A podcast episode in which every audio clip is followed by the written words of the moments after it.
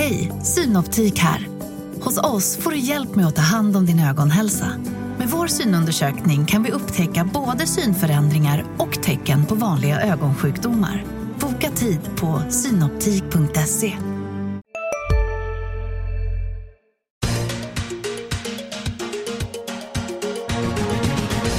Hej och välkommen till Makrorådet. Jag heter Viktor Munkhammar. Med mig i studion idag har jag Annika Winst, chefsekonom på Nordea och Per Magnusson, senioranalytiker på Swedbank. Välkomna hit båda två. Tack, tack. tack.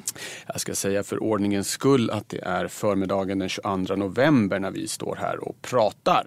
Och vi har som vanligt en diger agenda. Eh, vi ska prata om kronan, vi ska prata om räntekurvan. Det blir kanske lite tekniskt där men Annika och Per kommer kunna reda ut det. Eh, men jag tänkte att vi skulle börja eh, kanske väldigt kort men ändå med, med det som kom nu på morgonen, nämligen Riksbankens rapport om den finansiella stabiliteten. Riksbanken gör sådana här rapporter två gånger per år.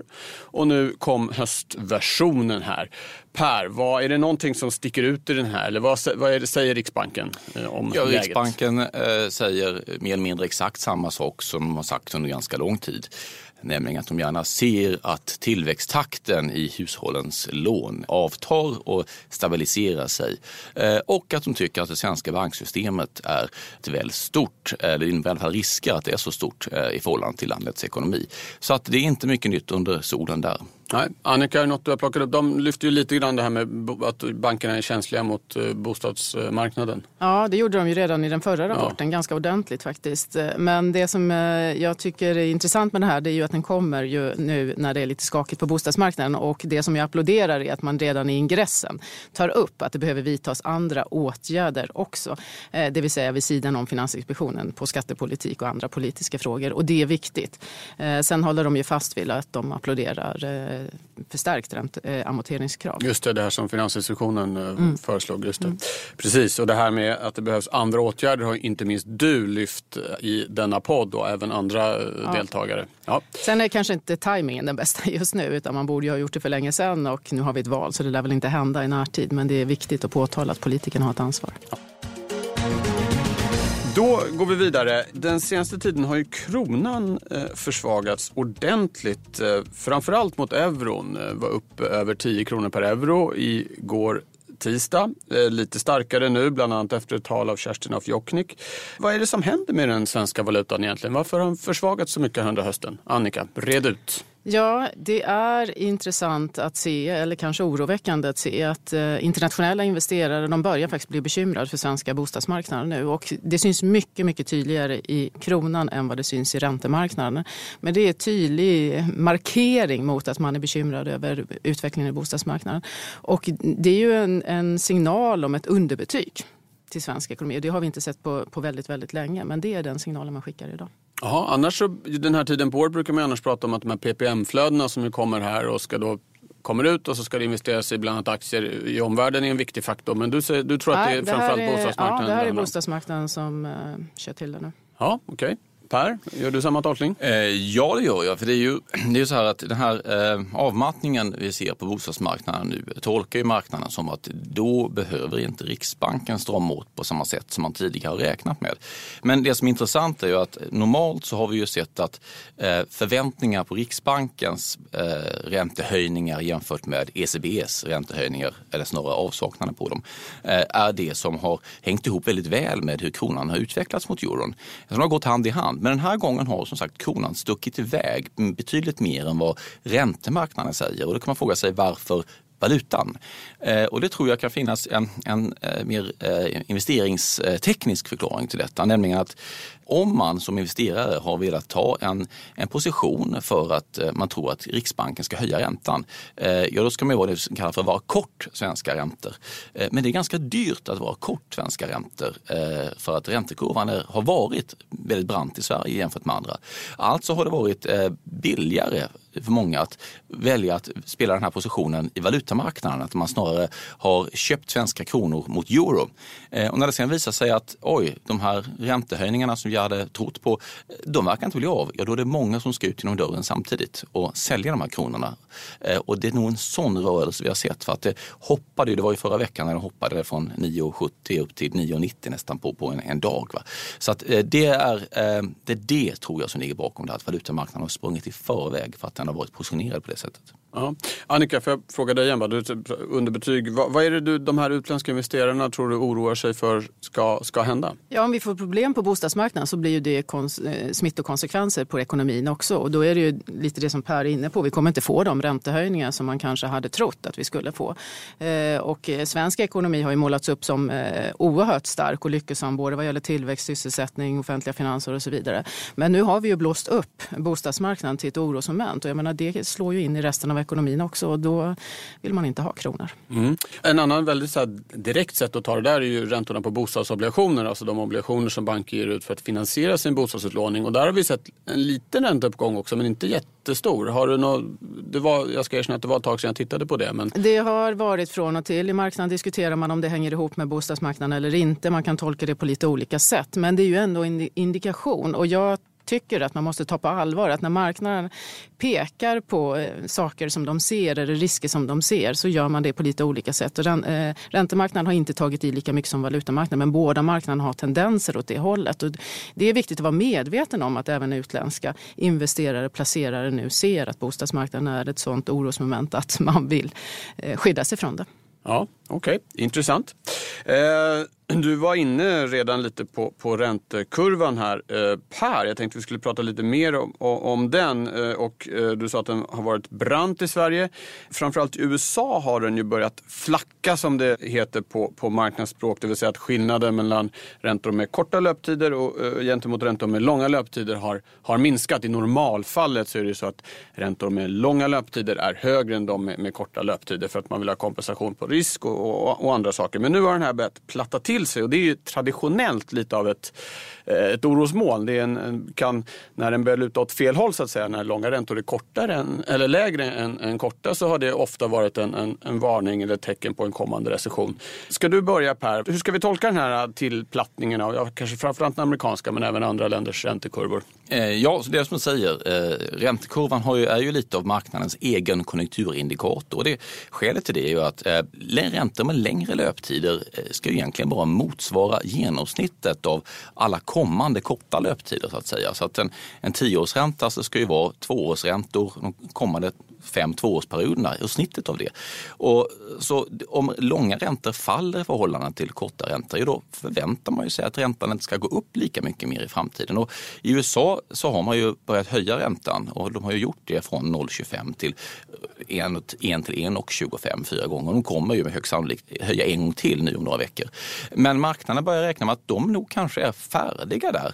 Att detta är vad ekonomin klarar av eh, att få och då har man sett den här kurvan avflackningen att ja, nu är det färdighöjt och färdighöjt är det ju som sagt normalt sett när man är liksom över konjunkturcykeln, att man är på väg neråt. Att nu ska vi snarare kanske börja fundera på en lågkonjunktur och agera på det hållet. Så att det är helt enkelt förväntningar om att det inte kommer komma så mycket fler räntehöjningar och det i sin tur är förväntningar om att ekonomin dels kanske har kommit över toppen på konjunkturcykeln och att ekonomierna inte klarar av så mycket högre räntor nu för tiden. Mm, Okej, okay. så då lite åt det hållet då den traskar, att det är en varning om en kommande lågkonjunktur vi, vi ser här? Ja, i alla fall att vi har passerat toppen på högkonjunktur, mm. att vi är liksom overhill som man säger. Ja. Annika? Ja, det stämmer som Per säger, men jag tror att marknaden har tänkt fel här. Ja. Eh, man har blivit eh, överraskad av eh, centralbanken nu flera gånger. Första gången som Fed höjde, december 2015, så tänkte marknaden nu gör de det som de alltid har gjort historiskt, ganska många snabba höjningar. Sen dröjde det ett helt år och man brände sig på det. Nu har man jättelänge sagt att man inte ska höja och då, då vänder man på det där myntet. Nu säger Fed tydligt att de ska höja fler gånger, men nu lyssnar inte marknaden. Jag tror att vi kommer få se höjningar eh, nästa år också. Och det betyder att då ska ju kurvan gå tillbaka åt andra hållet lite grann. Men till det som Per så tycker jag att man kan eh, ta upp Sverige. Mm. Eh, för där har ju kurvan flackat ännu mer och där är ytterligare en aspekt att Ingves fick sitta kvar. Eh, det vill säga att marknaden har lite grann tänkt att om Ingves lämnar och vi får en ny aktör så kommer det vara lättare att vara lite mer flexibel och ta sig ut ifrån det hörn man har målat in sig i. Eh, nu blev det inte så och det har då haft konsekvenser också för svenska flackningar, alltså skillnaden mellan korta och långa räntor. Ja, okay. så den liksom personalfrågan på Riksbanken har dykt upp i, i den svenska räntekurvan? Ja. ja Okej, okay, intressant. Då går vi vidare och vi ska prata spaningar, vad ni har grubblat på där hemma eller kanske på kontoret. Annika, vad har du med dig idag? Eh, jag har spanat om euro, euroområdet och dess framtid och konsekvenser på Sverige. Oj, oj, oj. Det låter ja, som ett stort ämne. Men, men, mm. Eh, jag, jag, tänker så här, att på ett sätt är det ju befriande att Macron har kommit och är en visionär. Att någon som äntligen vågar prata om framtid, har idéer, tankar och är angelägen om att driva det. Eh, å andra sidan är jag inte helt säker på att det är bara bra för Sverige. Och eh, det som vi ser nu eh, är ju att Merkel har väldigt svårt att bilda en regering och, och det gör att Macron kommer ta den här stafettpinnen själv. Och han är angelägen om att bygga ett starkare Europa. Och vi ser redan idag att vi har olika spår i Europa, det vill säga länder tar steg i olika takt och är olika delaktig. Det var inte det man tänkte från början, eh, utan då skulle man ju gå gemensamt i, i samma takt. Men det kanske är så att olika spår är bättre än att man bryter upp hela samarbetet. Nu kommer förmodligen Macron driva det ännu hårdare. Han pratar om olika cirklar och kärncirkeln och cirklarna utanför mm. där eh, i periferin. Och man har också från europeiskt håll åkt runt i medlemsländer länderna och pratar med folk och myndigheter och så vidare. Och så talar man om att vi har all respekt för att ni inte vill gå så fort fram. Men eh, vänligen, låt oss som vill gå fortare fram eller snabbare fram få göra det, vi som är i kärnan. Och då pratar man ju om, om flera olika aspekter, men bland annat om ekonomin. Och det kanske till och med så finns de som vill driva att man ska ha en gemensam finansminister. Och det kan ju låta bra att respektive land får ta den takt man vill. Men ur ett svenskt perspektiv, så vi kommer inte hamna i kärnan. Vi kommer inte välja det, utan vi kommer välja periferin. Och risken är då stor att vi är med och betalar men vi har väldigt lite inflytande på besluten. De är redan fattade, vi är inte delaktiga. Ovanpå det ska man då lägga att vi har tappat vår bästa vän, Storbritannien. Vi tyckte ofta... Hej, Ulf Kristersson här. På många sätt är det en mörk tid vi lever i. Men nu tar vi ett stort steg för att göra Sverige till en tryggare och säkrare plats. Sverige är nu medlem i Nato. En för alla, alla för en. Vi är specialister på det vi gör, precis som du. Därför försäkrar vi på Swedea bara småföretag, som ditt. För oss är små företag alltid större än stora och vår företagsförsäkring anpassar sig helt efter firmans förutsättningar. Gå in på swedea.se företag och jämför själv samma i politiska och ekonomiska frågor. Vi har inte dem där nu. Och det som jag då är bekymrad över det är att vi nästan inte pratar Europapolitik alls i Sverige. Risken är ju att vi vaknar upp alldeles för sent.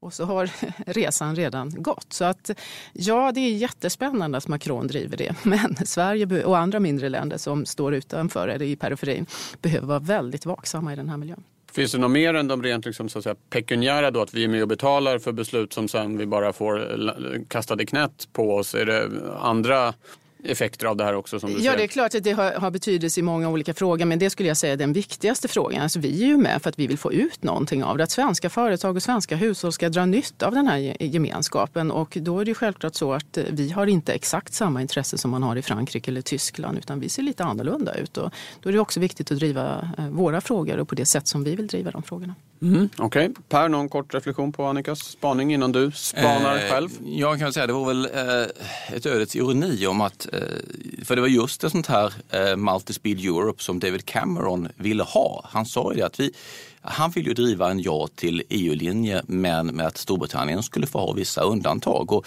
där var man ju benhård och sa att nej, det är samma linje som gäller för alla.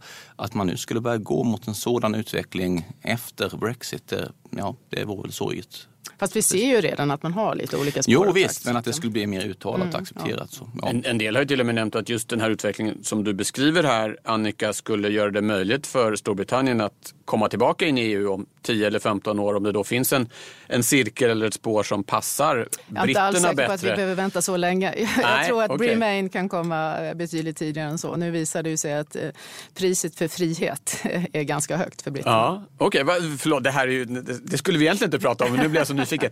Tänker du dig då att det aldrig blir någon Brexit eller att de är utanför en väldigt kort period och sen kommer tillbaka i, i någon form? Ja, man kan ju tänka sig båda varianterna skulle jag vilja säga. Men att de lämnar eller har tänkt att lämna 2019 men det blir någon övergångsperiod som man förlänger och förlänger. Alltså, så att den som, bara rullar på övergångsperioden? Ja, lite slags... som avvecklingen av kärnkraft.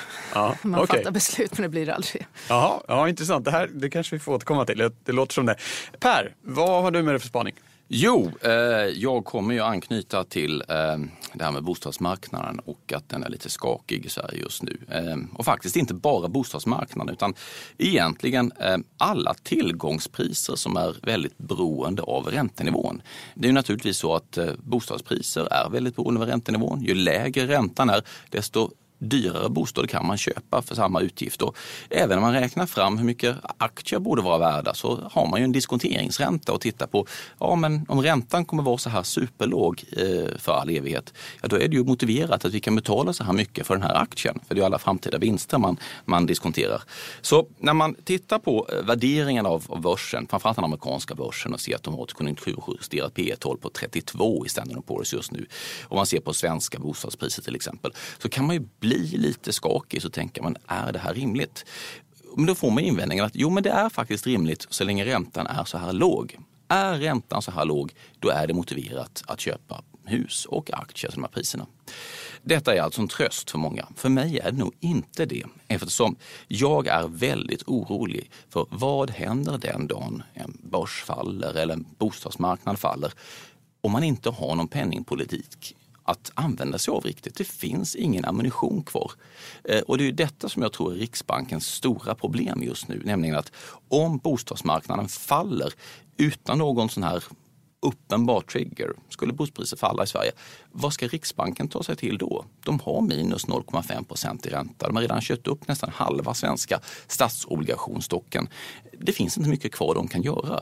Eh, och det här att man inte har någon ammunition för nästa strid, det betyder att vi kan få en betydligt mer utdragen nedgång. Då.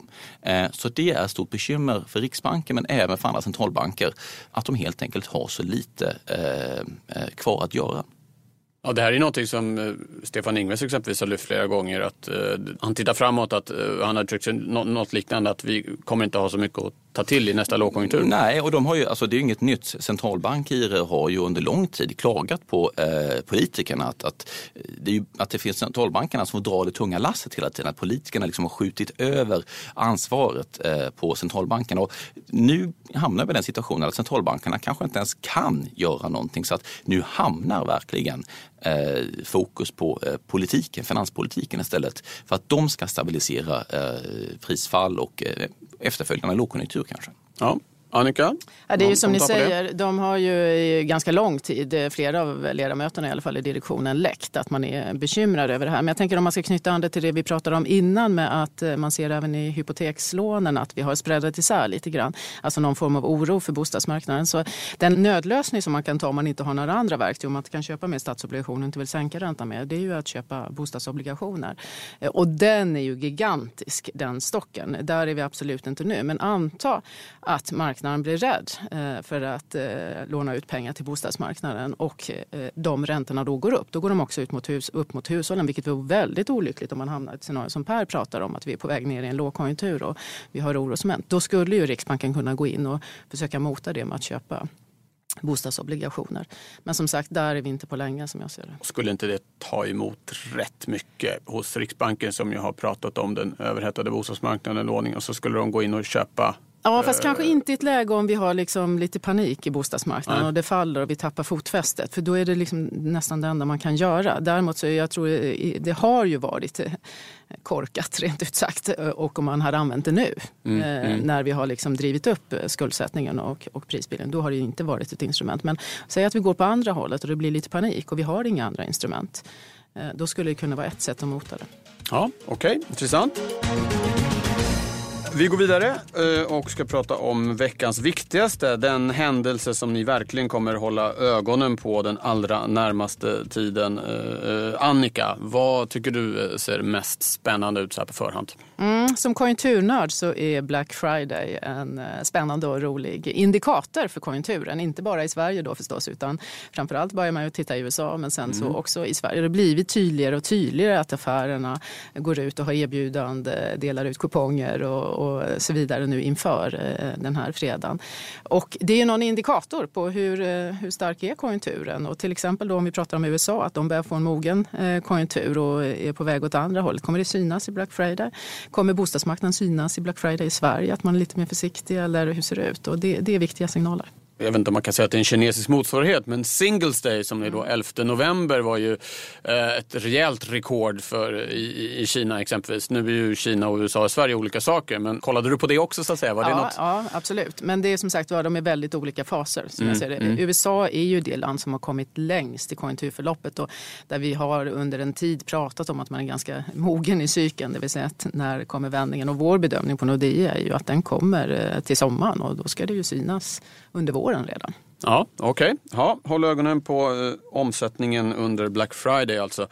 Eh, per, veckans viktigaste för dig? Ja, eh, det kommer knyta an lite till eh, Annikas eh, spaning innan det här med Multispeed Europe. Och det är nämligen sammanbrottet i de tyska regeringsförhandlingarna det blev ingenting. Eh, det är intressant, jag var själv i eh, Berlin för eh, några veckor sedan strax efter valet i Tyskland och träffade olika företrädare för myndigheter och think tanks och de var ju alla rörande eniga om då att ja, men det här blir en så kallad Jamaica-koalition med de gröna, det liberala FDP och CDU. Det var inga problem alls utan det här, det här kommer gå geschwint. Mycket enklare än att gå i koalition med Socialdemokraterna som tidigare var den här grosse koalition. Men så här har det alltså inte blivit. Eh, CDU har inte lyckats få ihop det, eller rättare sagt FDP och de Grüne kan absolut inte komma överens i, i viktiga frågor. Så nu står Tyskland inför att antingen bilda en minoritetsregering, någonting man aldrig gör i Tyskland av hävd, men kanske tvingas till, eller att gå till nyval som förmodligen inte skulle producera något annat resultat än att AFD kanske blir ännu större. Eh, och det är ingen som vill det av de andra partierna. Eh, så Merkel har stora problem. Det som det kan vara intressant för Europapolitiken politiken det är ju hur det här kommer mynna ut. Man kan ju se framför sig en situation där Socialdemokraterna vägrar att sätta sig i regering igen. Det har de sagt att de vägrar göra mer eller mindre för att de har känt sig överkörda och förlorat mycket på det. Eh, då återstår ju att eh, Merkel förmodligen får sätta sig i regering med FDP, minoritetsregering.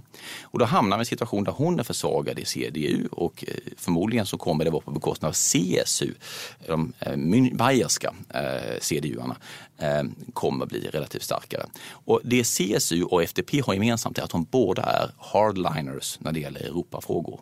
De vill inte hjälpa till att baila ut i Sydeuropa. De är väldigt skeptiska att man får tänja på bankregler och så vidare. Så att skulle man få en sådan regering då kommer anslaget nog bli betydligt strängare från Tyskland när det gäller att gå med på Macrons agenda och vara mer så att säga vänligt inställd till att eh, hjälpa andra euroländer. Och det kan eh, vara ett avbräck för, för Macron och för sammanhållningen i, eh, i Europa.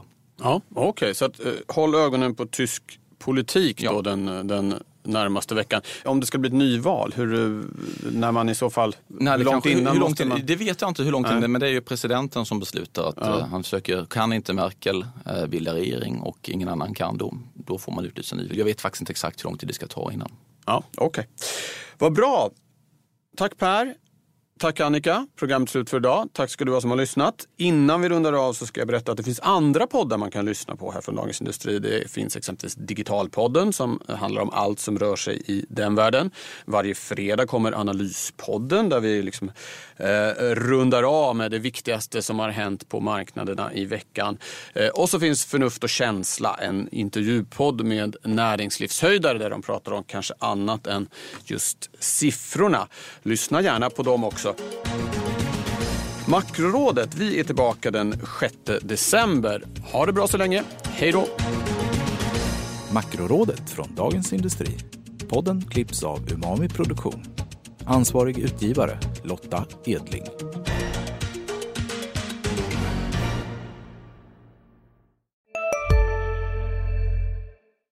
Hej, Susanne Axel här. När du gör som jag och listar dig på en av Krys vårdcentraler får du en fast läkarkontakt som kan din sjukdomshistoria. Du får träffa erfarna specialister, tillgång till lättakuten och så kan du chatta med vårdpersonalen. Så gör ditt viktigaste val idag, lista dig hos Kry. Välkommen till Maccafé på utvalda McDonalds restauranger med Baristakaffe till rimligt pris. Vad sägs om en latte eller cappuccino för bara 35 kronor? Alltid gjorda av våra utbildade baristor.